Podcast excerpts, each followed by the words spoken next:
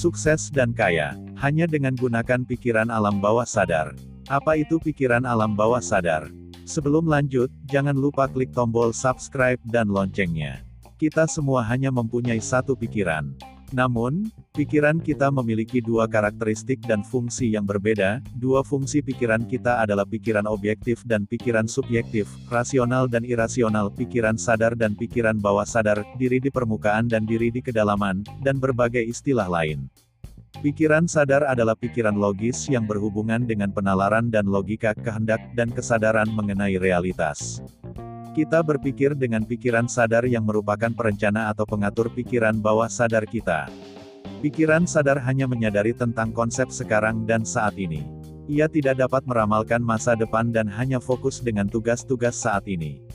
Adapun pikiran bawah sadar adalah pikiran yang berhubungan dengan energi dan penciptaan, pikiran kreatif yang melaksanakan apa yang direncanakan pikiran sadar kita.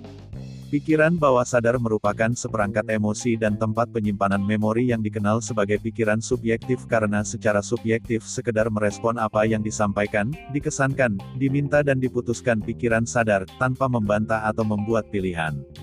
Ketika seseorang sedang berada di sebuah titik terendah, saat jatuh sejatuh-jatuhnya, apa yang bisa orang itu lakukan? Untuk kamu yang sedang merasakan hal terburuk baik dari segi finansial ekonomi ataupun lagi sedang punya masalah, yang bisa dilakukan yang pertama adalah menurunkan gelombang otak dari beta ke alpha. Apa itu gelombang beta? Beta adalah gelombang otak yang frekuensinya paling tinggi, kira-kira antara 14 sampai 20 Hz. Ini terjadi pada saat kamu berada dalam keadaan terjaga atau berada dalam kondisi kesadaran normal untuk merespon, menyadari atau berinteraksi dengan lingkungan sekitar kamu. Apa itu gelombang alfa? Selanjutnya adalah gelombang alfa yang frekuensinya lebih lambat dari gelombang beta, yaitu kira-kira 8-13 Hz.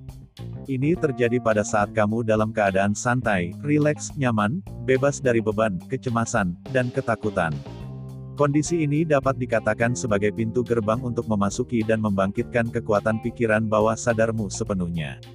Di sinilah tempat di mana kamu dapat mulai menaburkan benih-benih impian, keinginan, atau menggambarkan, membentuk diri kamu sesuai yang kamu inginkan. Bagaimana menurunkan gelombang otak dari beta ke alfa? Salah satu caranya adalah dengan mendengarkan musik instrumen, sebaiknya memilih musik instrumen yang berfrekuensi besar. Frekuensi besar dalam artian yaitu ketika kamu mendengarkan itu, rasanya nyaman atau menyenangkan. Bertujuan untuk merangsang otak agar memproduksi hormon tertentu sehingga dapat memengaruhi mood yang kamu butuhkan, musik pada dasarnya memiliki efek yang beragam pada tubuh dan pikiran. Sejumlah penelitian mengungkapkan bahwa mendengarkan musik dapat memengaruhi sistem pernapasan dan detak jantung, merangsang sistem kekebalan tubuh, serta meningkatkan pusat kognitif dan emosional otak. Dengan duduk diam dan tegak seperti orang sedang melakukan meditasi atau seperti orang sedang relaksasi. Hal yang penting harus dilakukan adalah posisi punggung harus tegak. Maka secara otomatis energi kundalini akan aktif sendiri dan bisa difokuskan di satu titik. Apa itu energi Kundalini? Kundalini adalah energi spiritual yang sangat kuat yang melingkar di dasar tulang belakang tiap orang. Energi ini masih tertidur sampai kamu membangunkannya. Setelah energi ini terbangun, memungkinkan seseorang untuk mengakses keadaan kesadaran jauh melampaui persepsi manusia normal. Memulai perjalanan transformasi untuk menerobos keterbatasan pribadi, menghilangkan sumbatan, dan memberdayakan kamu untuk akhirnya mencapai aspek pencerahan tertinggi.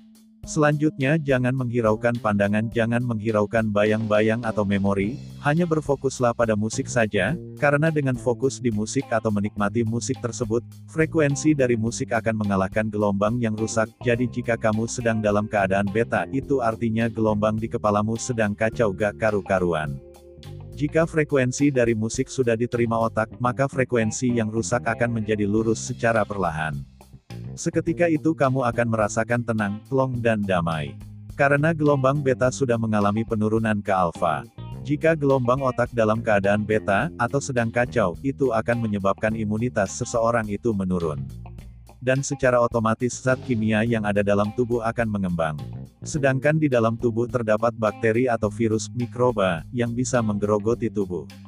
Maka dengan mendengarkan musik instrumen yang tepat akan membuat gelombang otak beta turun ke alfa, imunitas tubuh akan meningkat dan akhirnya menjadikan tubuh sehat. Persepsi orang sebagian besar terkait dengan penyakit stroke dan penyakit ganas lainnya, itu seolah-olah semuanya disebabkan karena faktor makanan, padahal faktor lain berupa pikiran sangat berpengaruh dengan kesehatan tubuh. Berhenti mempercayai keyakinan, pendapat atau pandangan yang salah dan ketakutan-ketakutan kamu. Sibukkan diri kamu dengan konsep-konsep tentang harmoni, kesehatan, kedamaian, kehendak yang baik, dan keajaiban akan terjadi dalam kehidupanmu.